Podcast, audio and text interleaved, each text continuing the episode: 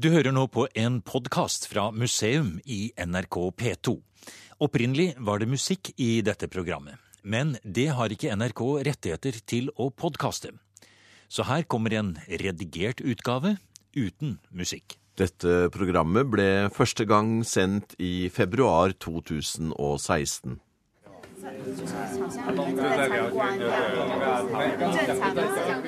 En stor gruppe turister fra Taiwan fyller en av utstillingslokalene på Polarmuseet i Tromsø.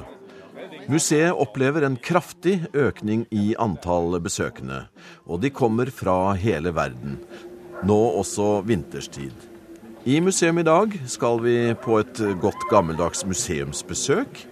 Ishavsbyen er vår polare hovedstad. Det er herfra de store vitenskapelige ekspedisjonene til Arktis eh, hadde og har sitt utspring. Det var hovedsakelig herfra overvintrende fangstfolk på Svalbard eh, kom fra.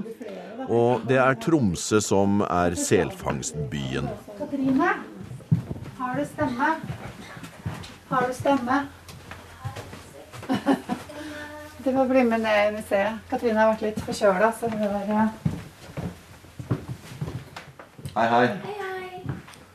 Jeg tok og, og regna sammen tallene fra eh, Altså, vi ble jo en del av universitetet i 2010, så jeg Ja. tok tallene fra 2009, året før. Og så så jeg eh, tallene for eh, 2015, og da hadde vi faktisk hatt en økning på 81% 81% ja, på de årene. Så det er jo en vanvittig økning på så kort tid, egentlig. Lena Årekol er eh, daglig leder på Polarmuseet. Og Katrine Totland er stipendiat og akkurat nå rammet av en polar forkjølelse som går utover stemmen. De to skal gi oss noen eh, smakebiter på hva man kan se og oppleve på museet. Men hva er det som forklarer at stadig flere finner veien til eh, dette museet, slik at det nå er det mest besøkte i Tromsø?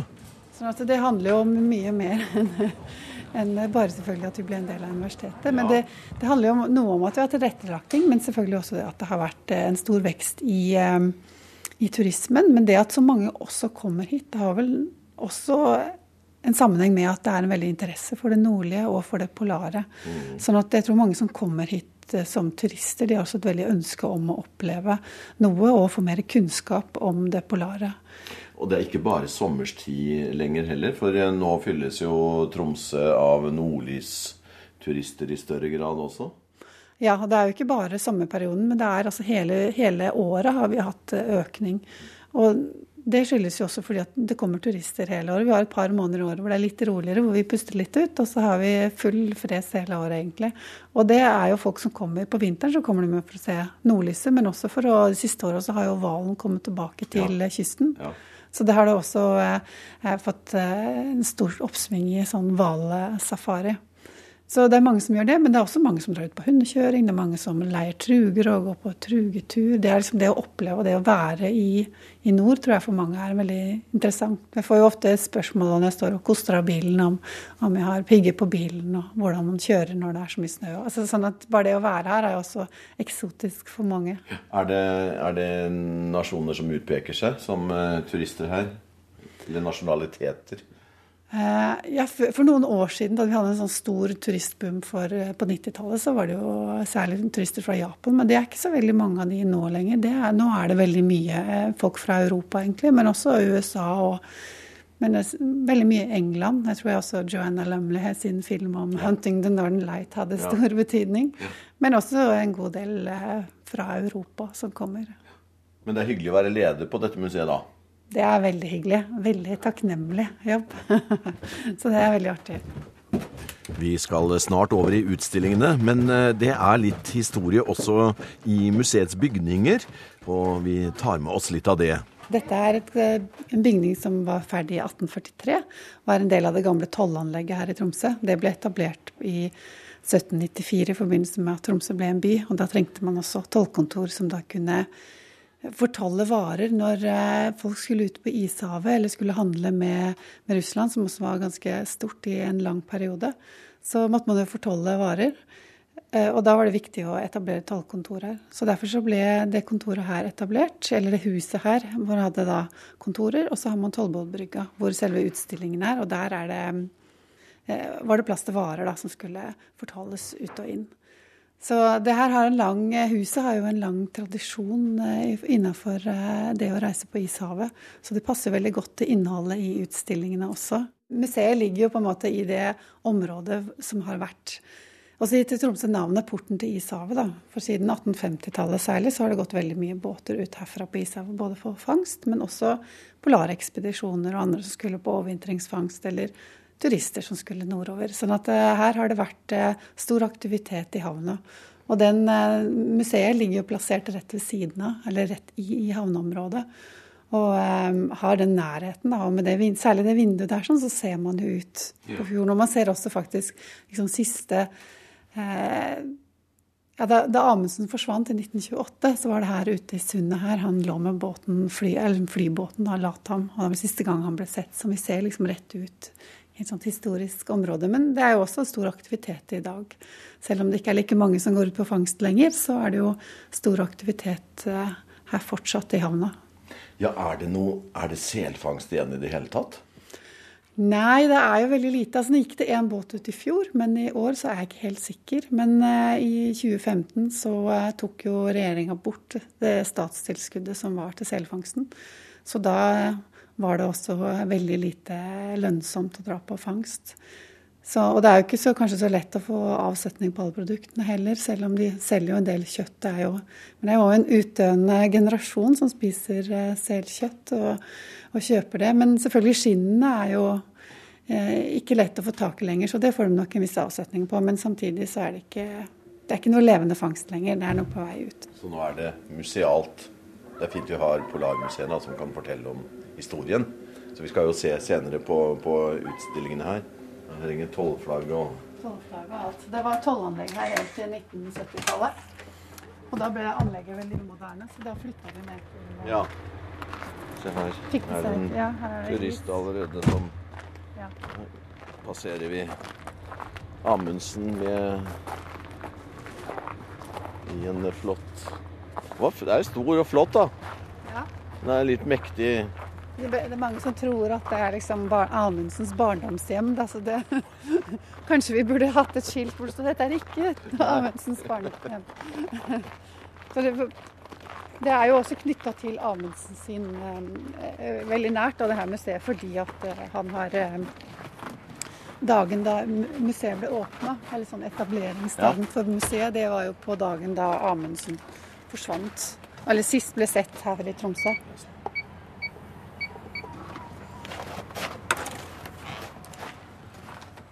Nå har vi ikke åpna ennå, men eh, etter klokka 11 regner jeg med da ja.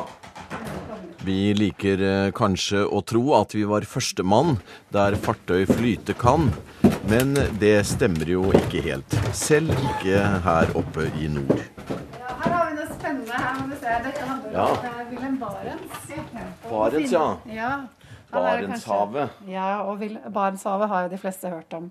Eh, men kanskje ikke hvorfor det heter Barentshavet. Og det var jo fordi at det er oppkalt etter en som heter Wilhelm Barents, en nederlender. -hmm. Han eh, var På 1500-tallet så var man veldig opptatt av å finne den nordlige sjøveien til Kina. Ja, hollenderne var tidlig ute. De var tidlig ute med det. Og eh, de var veldig opptatt av å, å, eh, finne den nordlige veien, fordi at den mente at den ville være kortere. Og det eh, ville sannsynligvis være, men det var jo kanskje ikke den letteste veien, det heller. Men Nei. de hadde jo en forestilling om det. Sånn at det var flere ekspedisjoner som eh, gikk ut for å finne den. Og men i 1596 og 97, altså en toårsperiode, så var det en ekspedisjon som gikk med to, to båter fra Nederland. Og der var Wilhelm Barents var ekspedisjonsleder. De kom opp på vestkysten av Svalbard, og de gikk også var innom Bjørnøya. Der drepte de sin første isbjørn, og det var også derfor de kalte det for Berent Island, eller Akkurat. Bjørnøya. Eh, men de gikk opp til vestkysten av Svalbard og så at det var et veldig stort dyreliv med hval og sel og hvalross. Mm -hmm. Og så gikk de da videre og kom til Novaya Semlja, en av båtene. Og der eh, ble den skrudd ned i isen.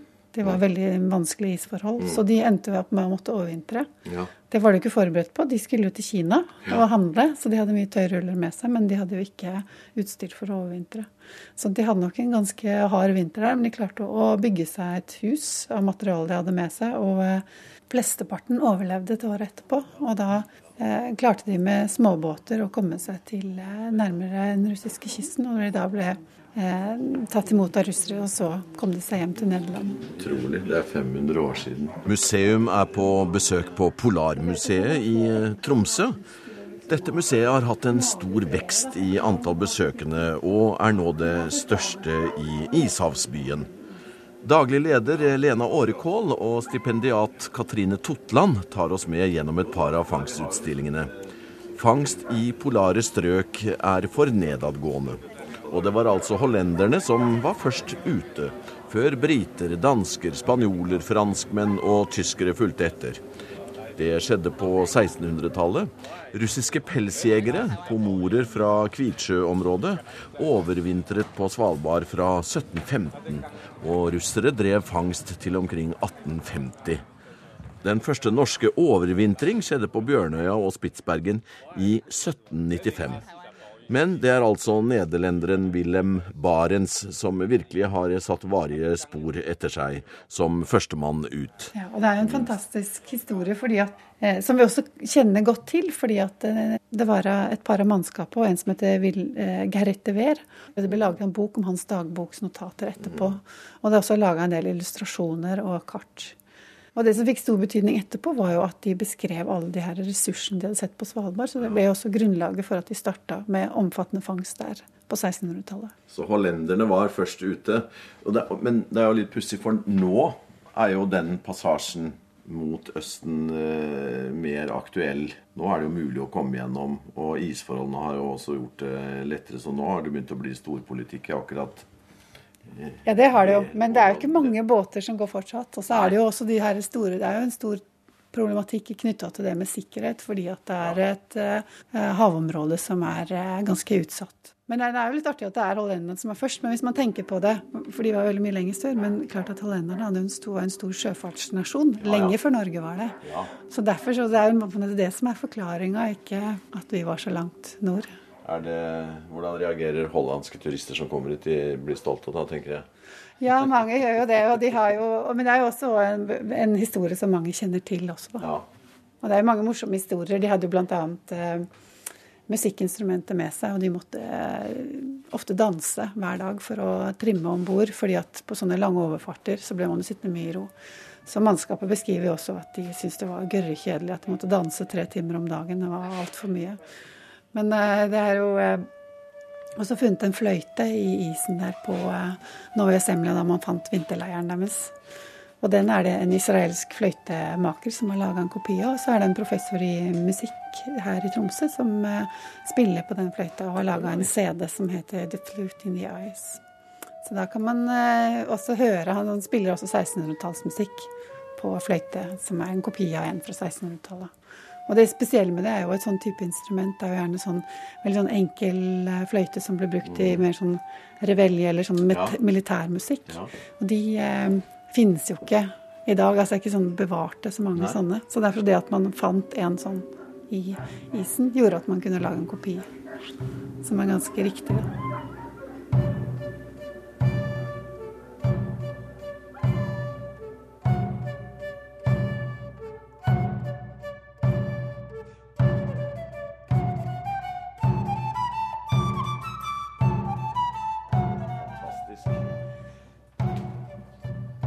Vi kommet inn i ja, Her er det en utstilling som tar for seg hvordan eh, hollenderne fangsta på Svalbard. Og de var jo særlig ute etter eh, spekket, hvalspekket, for ja. å koke det. For det skulle jo brukes i gatelamper. Til olje, ja. ja mm. Så det ble kokt olje av det. Det fins også oljemalerier av hvordan de ble eh, lagde olje. Så det var en ganske stor business, det å holde på med med hvalfangst og med kokeolje. Men det var jo ikke overvintring, det var jo bare noe som skjedde på sommersesongen. Ja, Men hollenderne, hollenderne, etter de første ekspedisjonene, det, ble det da en fast trafikk? Eller, eller var det mer et enkelt forsøk? Nei, da foregikk den her jakten på, på Svalbard. Den, den, foregikk da utover hele, hele 1700-tallet. Men eh, det er klart at jo mer effektiv man ble til å fangste, jo mindre ble det å fangste på.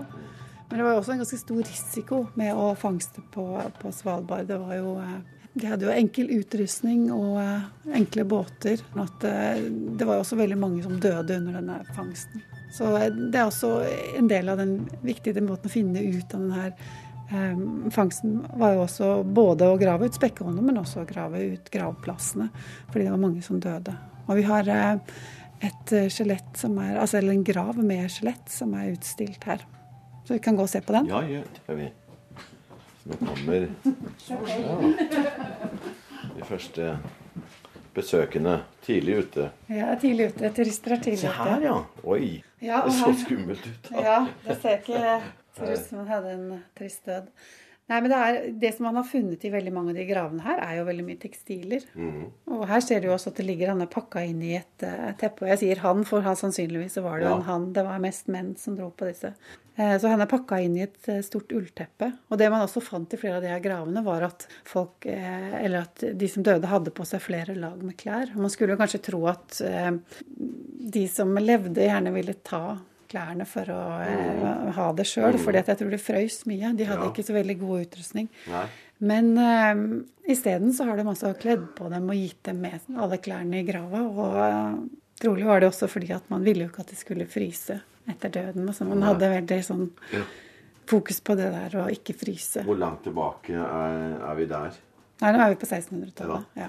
Men det er også de tekstilfunnene er jo veldig eh, spesielle, fordi at det er jo eh, vanlig sånn arbeiderbekledning. Altså, så de har Det er ikke mye av den type tekstiler som er bevart ellers. Ja. Så derfor så det at man finner den type tidlige tekstiler, er jo spesielt. Russerne var altså først ute med overvintringsfangst. Ifølge sysselmannen på Svalbard er det nå fire fangstende norske menn og kvinner fordelt på tre stasjoner. Det skjer nærmest for å ivareta en kulturhistorisk eh, tradisjon. Den storhetstiden i den norske overvintringsfangsten den var jo fra 1890-tallet og oppover til andre verdenskrig ca. Mm. Um, så det var jo da hovedvirksomheten egentlig foregikk. Ja. Og da var det ca. 400 mennesker som hadde omtrent 1000 overvintringer ja, samlet. Ja. Så det var en ganske stor virksomhet. Men sånn rent økonomisk så var jo det ikke det gjorde ikke den store forskjellen i Det var ikke en primærnæring, for å si det sånn. Men eh, det, var, det, var, en ganske en fin mulighet for folk som eh, kanskje kom fra litt anstrengte arbeidsforhold på fastlandet, til å verve seg inn som fangstmann og ta en overvintring. Og ha muligheten til å tjene gode penger og, og kunne komme tilbake eh, til fastlandet med par tusen kroner i, i lommeboken. Ja. Det var, så det var en veldig fin mulighet, sånn sett. Men var det noe system? Var det, var det noen som organiserte det her, eller kunne hvem som helst bestemme seg for å reise og drive fangst? Du hadde to typer, som regel. Du hadde de som var eh, sjøl var redere for sin egen fangstekspedisjon. Ja. Og dette var jo gjerne disse som reiste opp år etter år, og som etablerte sine egne fangstfelt og bygde sine egne fangsthytter og holdt på over lengre tid. Og så hadde du disse som eh, ble ansatt hos en reder som da finansierte ekspedisjonen. De, eh, de, skulle jo også ha betalt, så da ble jo utbyttet til disse fangstmennene som ble ansatt, mye mindre. Ja. Så hvis du var sjølreder, så hadde du potensial for å tjene mye jevnere og bedre. Eh, men selvfølgelig, hvis du var eh, ansatt, så, så, ofte så var du ikke nødvendigvis tilknyttet et bestemt fangstfelt. Så opportunismen var jo mye større. Du kunne nyte godt av, eh, av mange flere muligheter. Men det er en utdøende rase, skjønner jeg? Absolutt. Så um, det er hit på Polarmuseet man må komme for å få en slags følelse og vite hva, hva dette var for noe. Kan vi gå inn, Er det mulig å gå inn i den fangsthytta der, da? Ja. Dere får vise meg den. Her henger det Det er rev. Her er rev, ja. Og det er klart at det var jo eh, pelsverk som var vel den største inntektskilden. Ja. Ikke Altså Reinsdyret slakter man jo ikke for mat, men, eh, nei, nei, for skinnet, men for maten ja. mest. Også for, eh, for, hundemat ofte. Men eh, det er klart at det er pelsverket som var liksom den store inntektskilden, ja. som ga penger. Hvis vi går inn hit, da, så Oi, se her kom det lyd. Her ser du, her kunne du jo bo opptil to, tre, kanskje enda flere. Når jeg ser denne fine hytta her, eller fin og fin, den, den, men den ser på en måte litt sånn hjemmekoselig ut. Jeg, jeg, skjønner at det går an å finne både ly og ha det, ha det hyggelig der, men det må være forferdelig strabasiøst liv. Hvem, hvem var det som ble fangstmenn? Det var gjerne faktisk mye rekruttering i familier. Så ofte så var det yngre menn som dro på fangst. Og de ble rekruttert av eh, venner og slekt ofte. Um, men også så var det mange som gjerne hadde tilhold i de store ishavsbyene i eller i, Tromsø, gjerne. Ja, og, og, og rett og slett ble hentet opp derfra. Men også fra andre steder. Du hadde jo bl.a. Hilmar Nøys fra Andøya, f.eks. Den mm. familien hans var jo veldig sterkt inne på, på fangstmiljø. Samtidig også eh, isbjørnkongen Henry Rudi kommer ja. jo også fra en slekt som har etablert seg veldig på Akkurat. Ja. Og han eh, har jeg lest eh, Er det oppimot 700 isbjørner han har eh, 713. 713 ja. isbjørner. Ja. ja. Så, da var det ikke mye restriksjoner på å, å, jakte isbjørn? Nei, det var det ikke. Men var det fritt fram eh, på, på alle fronter? Både fugl og sel og rev og hva det nå var? Det var Visse fredninger kom jo i stand, bl.a. på Svalbardrein. Den ble jo fredet i 1925 rett og mm. slett pga. overfangst. Mm. Og det var jo litt eh, sånn på begynnelsen av 1900-tallet òg at, at det ble tatt for seg. Og da var det heller ikke like etablert med faste fangstterreng i den perioden. Og det gjorde at uh, de som kom og fangstet, de var ikke interessert i nødvendigvis å opprettholde dyrelivet for Nei. å kunne ha en slags bærekraftig fangst. Nei. Der var det mer snakk om å kanskje ta for seg Akkurat. for å få størst mulig utbytte. Ja. Så det gikk jo veldig hardt utover både fugl og ja. alle dyr, egentlig. Og det var også mer utbredt med bl.a. giftåte som fangstmetode. Og det er jo veldig farlig. Det kan jo utradere er et helt fangstterreng uten ja, problemer. Selvfølgelig. Ja. Var det mange som omkom? Vet dere noe om det?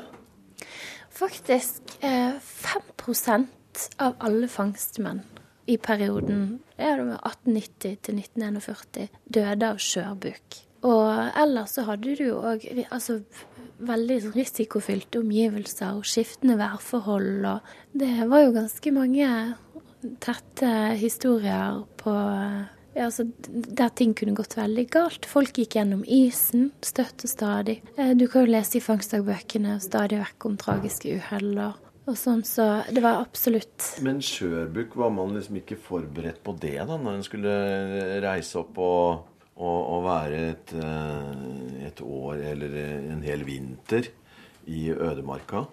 Du skulle tro det. Og selv om britene fant sammenhengen mellom eh, ensidig kosthold og skjørbuk allerede på 1700-tallet, mm. så eh, var ikke kuren mot skjørbuk egentlig etablert fullstendig før i mellomkrigstiden. Så det var, eh, det var egentlig mest forestillinger Eh, og, og, litt sånn uoffisiell kunnskap som regjerte på det feltet der. Og det førte til at mange fangstmenn døde av skjørbuk. Det, det, er en veldig eh, jeg holdt på å si myteomspunnet sykdom, egentlig. Og den, ble, den har blitt knyttet til latskap, f.eks. Det ble sagt at det var smitt som eh, mange sånne ting som egentlig ikke hadde hold i virkeligheten. Men så finner du òg veldig interessante eksempler på annen kunnskap der fangstmenn har, har funnet ut at det hjelper å spise f.eks. innmat, som jo har et høyere innhold av C-vitaminer. Eh, og de har funnet ut at du kan eh, spire frø fra frøposen i ryper, f.eks. Svalbardryper. De spirte frøene i vinduskarmen fikk spise de, og brukte det som en kur mot for å unngå skjørbuk. Stipendiat eh, Katrine Totland forteller at eh, hermetikkens inntog bidro sterkt til å redusere faren for skjørbuk. Nå er det fortsatt mange utstillinger igjen i museet. Nansen, Amundsen, Polarnatt, Fangstkvinnen Vanni Volstad og enda mye mer. Og vi bare røper at det pågår en aldeles fargerik utstilling med polar klesmote fra hele Nordkalotten. I eh, høst, eller i oktober, så åpna vi en ny utstilling som skiller seg litt fra de andre mer faste utstillingene våre. Denne heter 'Following Arctic Fashion'. Engelsk tittel, fordi det handler om eh, mote. Oi, se her, ja. Ja, så Det er en eh, fotografiutstilling som er basert på eh, fotografier som eh, fotograf Mari Karlstad ved Tromsø museum har tatt gjennom eh, en tiårsperiode på en festival som er her i, i Nord-Troms. Det er altså polarmoten, ja. Dette er polarmåten. Det er noen som har komplett eh, tradisjonell drakt fra topp til tå, mens andre har et skjerf eller en eh, sølje eller et, Ja. et eller annet som er, eh, gir en på en måte et signal om hvem man er. Da. Men, og veldig mye som er eh, også moderne design. Du har nå hørt programmet Museum som podkast fra NRK.